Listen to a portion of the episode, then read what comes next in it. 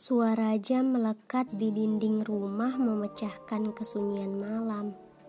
Jarum jam menunjukkan tepat pada pukul 12.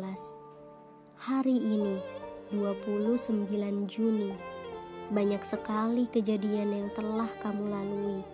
Kebahagiaan dan rasa haru yang sulit didefinisikan. Semua dalam genggam Tuhan di luar nalar manusia.